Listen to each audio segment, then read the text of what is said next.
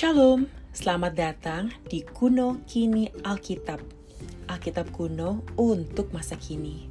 Nama saya Tracy Trinita. Ini adalah episode perdana dengan harapan saya bisa merekam Kuno Kini Alkitab setiap hari di podcast ini. Selama beberapa menit ke depan, kita akan belajar firman Tuhan dengan mendengarkan pembacaan ayat Alkitab, merenungkannya, dan mengaplikasikan kebenaran Tuhan di keseharian kita. Sebelum mendengarkan firman Tuhan, saya ingin merangkum isi Alkitab untuk kita mengerti. Alkitab adalah perpustakaan kecil yang berisikan 39 kitab di Perjanjian Lama, 27 kitab di Perjanjian Baru.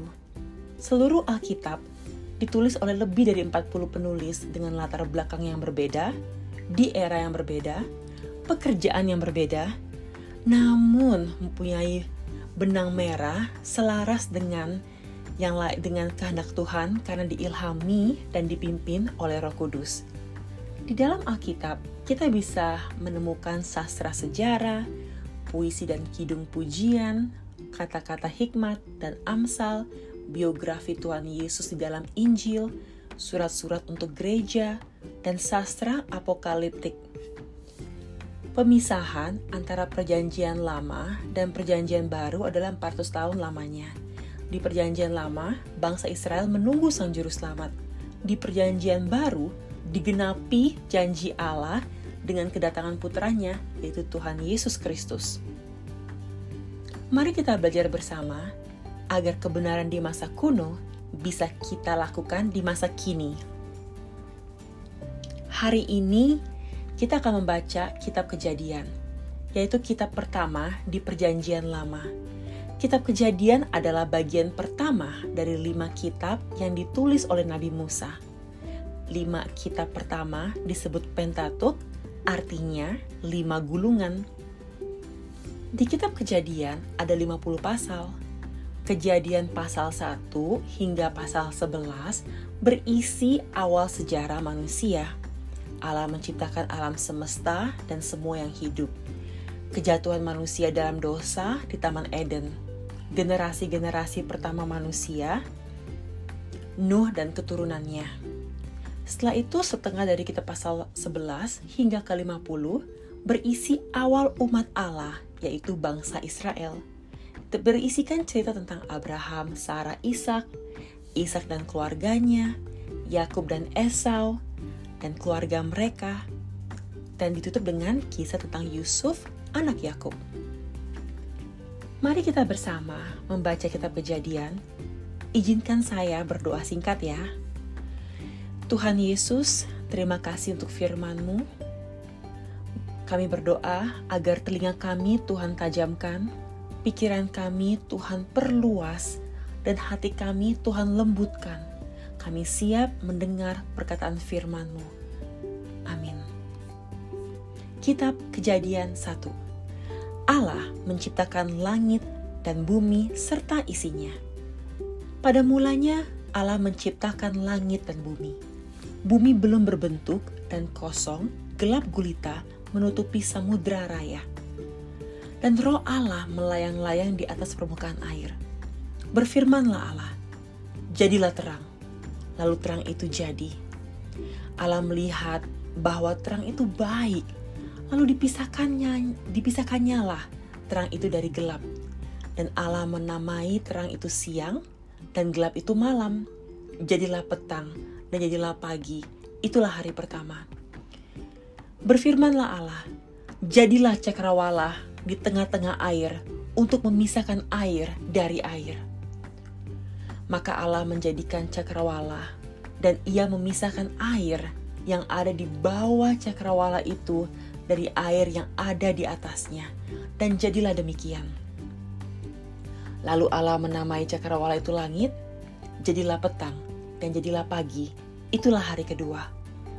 Berfirmanlah Allah, hendaklah segala air yang di bawah langit berkumpul pada satu tempat, sehingga kelihatan yang kering.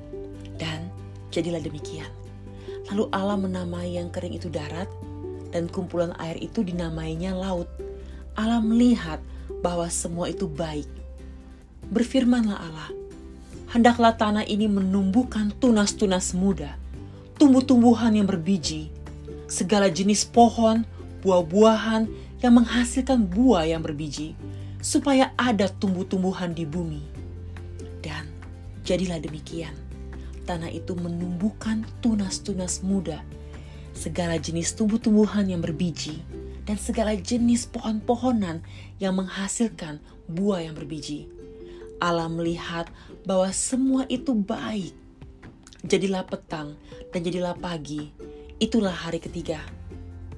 Berfirmanlah Allah, jadilah benda-benda penerang pada cakrawala untuk memisahkan siang dari malam.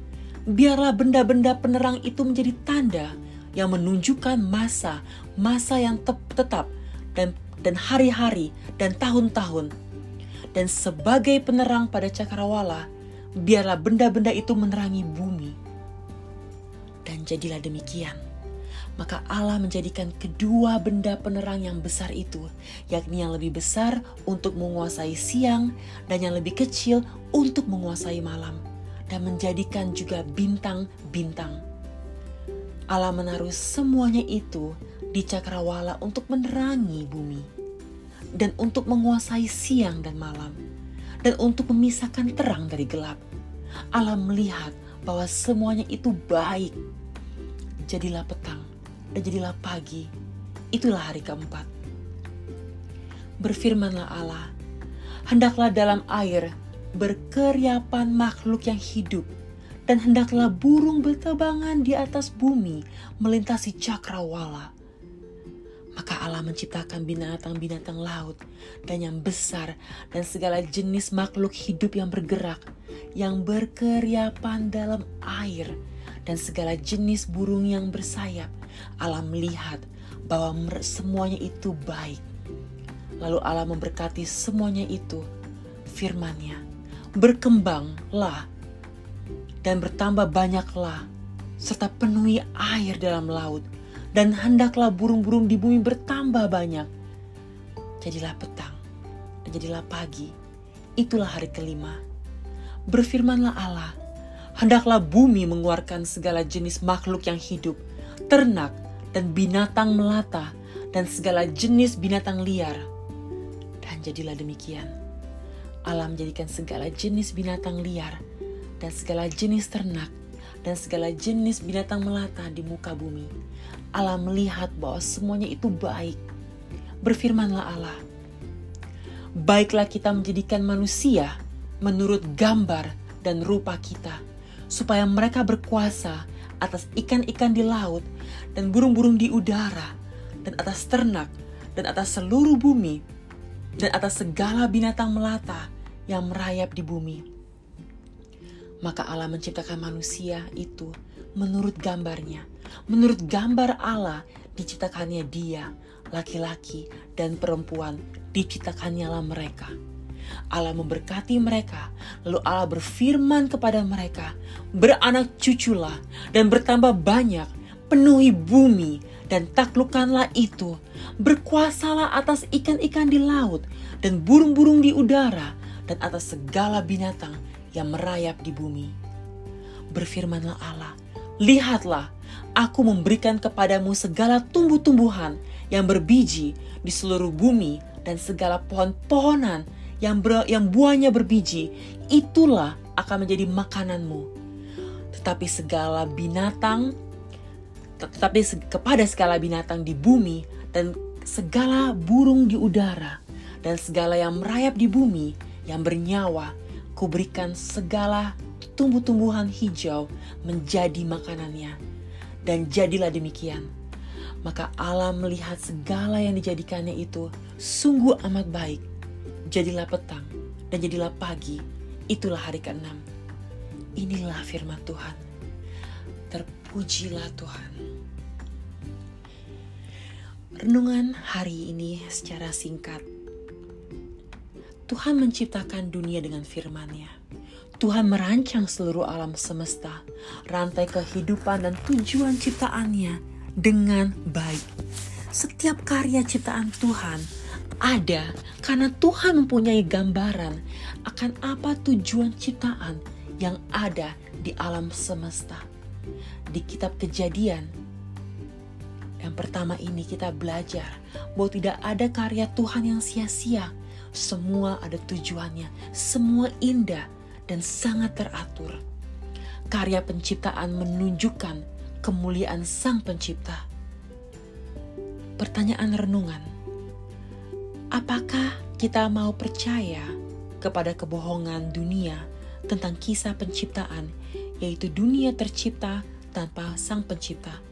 Semua ini adalah kebetulan tanpa dasar maupun alasan kenapa semuanya ini ada. Atau kita mau percaya kepada kebenaran bahwa ada Tuhan Sang Pencipta langit, bumi, seluruh alam semesta.